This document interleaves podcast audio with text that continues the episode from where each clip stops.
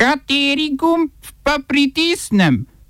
Tisti, na katerem piše OF. Aktivisti zahtevajo umik Frontexa iz Egejskega morja. V Španiji zaradi žalitve kralja aretirali reperja Pabla Asela. Nizozemsko sodišče zahteva odpravo policijske ure. Šok! Propadla konstruktivna nezaupnica vladi Janeza Janše.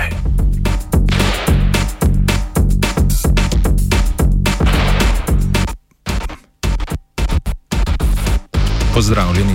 Nevladni organizaciji Pravni center Lesvos in Frontlex sta zahtevali ustavitev ali zamrznitev delovanja Evropske agencije za mejno in obaljno stražo, ki sliši na ime Frontex v Egejskem morju.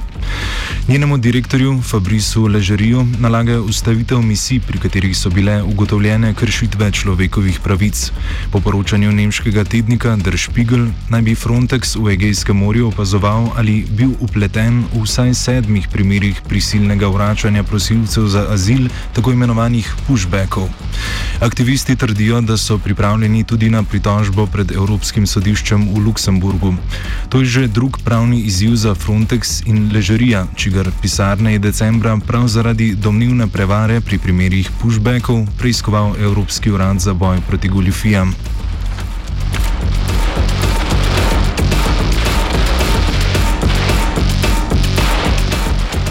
Španska policija je zaradi žaljenja španskega kralja in podpore terorizmu aretirala reperja Pabla Asela.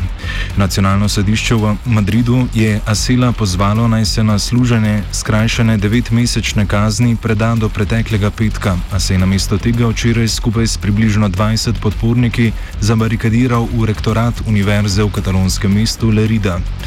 Marca 2018 je bil obsojen na dve leti zapora, ker je v svojih pesmih kralj kralja Filipa VI. in njegovega očeta Juana Carlosa I. označil za mafijaša in kriminalca, podporil Al-Kaido in k ponovnemu delovanju pozval nemško teroristično skupino Bader Meinhof in baskovsko Eto.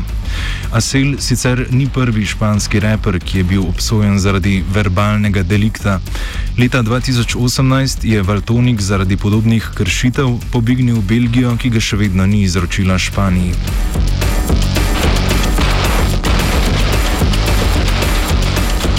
Čadski prestolnici na Žamini je potekal sestanek predsednikov petih držav iz sahelske regije in francoskega predsednika Emanuela Macrona.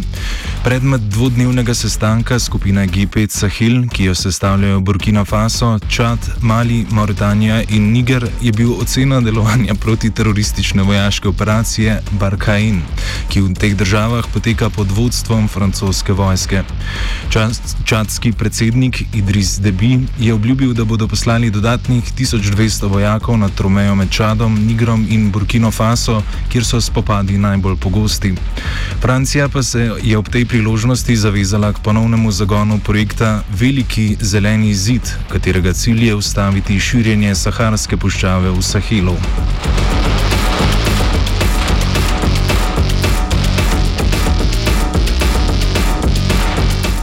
Prvostopensko sodišče v Hagu je presodilo, da mora nizozemska vlada takoj odpraviti policijsko uro.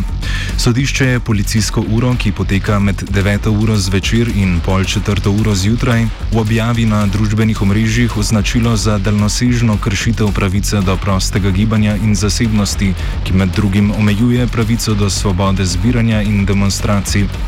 Odločba je odgovor na pritožbo, ki jo je vložilo gibanje teoretikov zarote Virus Truth.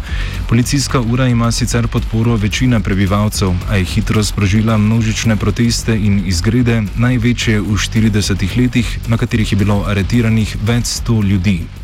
Oba, če bom odgovoril na angliški.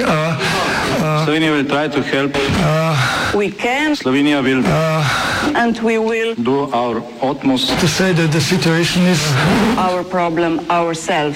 In da bomo naredili nadaljnje korake, as soon as the conditions are. Bomo vlado Marjana Cererera Šarca podprli.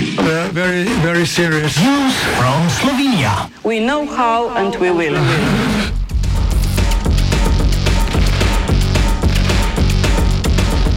Upravno sodišče je začasno zadržalo izdajo dovoljenja za izgradnjo hidroelektrarne Mokrice zaradi tveganja nepopravljive škode.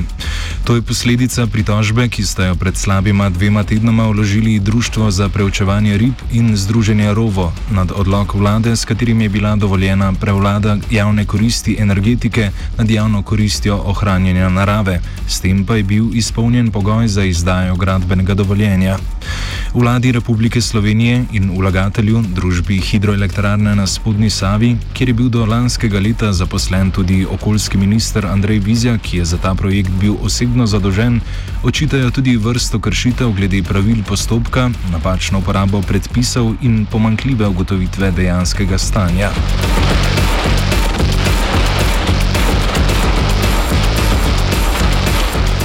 Sindikat taksistov pri sindikatu delavcev prometa in zvez s protestno vožnjo in hupanjem pred državnim zborom v Ljubljani protestira proti obveznemu testiranju taksistov.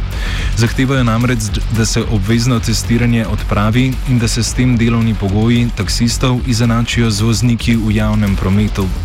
Kot nesmiselno izpostavljajo zahtevo po testiranju vsake tri dni, kar označujejo za prestrogo, zlasti v primerjavi z drugimi dejavnostmi.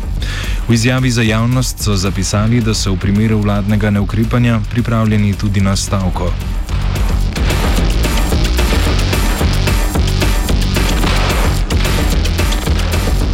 Zgodil se je politični plot twist stoletja če sklepamo po medijskih izjavah levega dela parlamenta in njihovih podpornikov. Konstruktivna nezaupnica proti vladi Jana Zajanše ni uspela, saj je na tajnem glasovanju prejela le 40 od potrebovanih 46 glasov. Kandidat opozicijske koalicije ustavnega loka Karl Rjavec tako ni pridobil niti večine glasov lastne stranke Desus. Poleg 40 glasov za in 7 glasov proti Rjavcu je šest poslancev oddalo neveljavne glasovnice, 37 poslancev iz vrst strank SDS, NSI, SNS, SMC in Robert Polnar iz Desusa pa glasovnic niso prevzeli. Karlov drugi poskus konstruktivne nezaupnice je posebej ne neuspešen v primerjavi z januarskim, ko je že ob uložitvi imel dva podpisa več, kot je včeraj prejel glasov. Zmagovita Janševa vlada je medtem namignila na spremembo strukture vlade, med katerimi je najpomembnejši novi kandidat za položaj ministra za zdravje Janez Poklukar, direktor Univerzitetnega kliničnega centra v Ljubljani, ki ga je predlagala Nova Slovenija.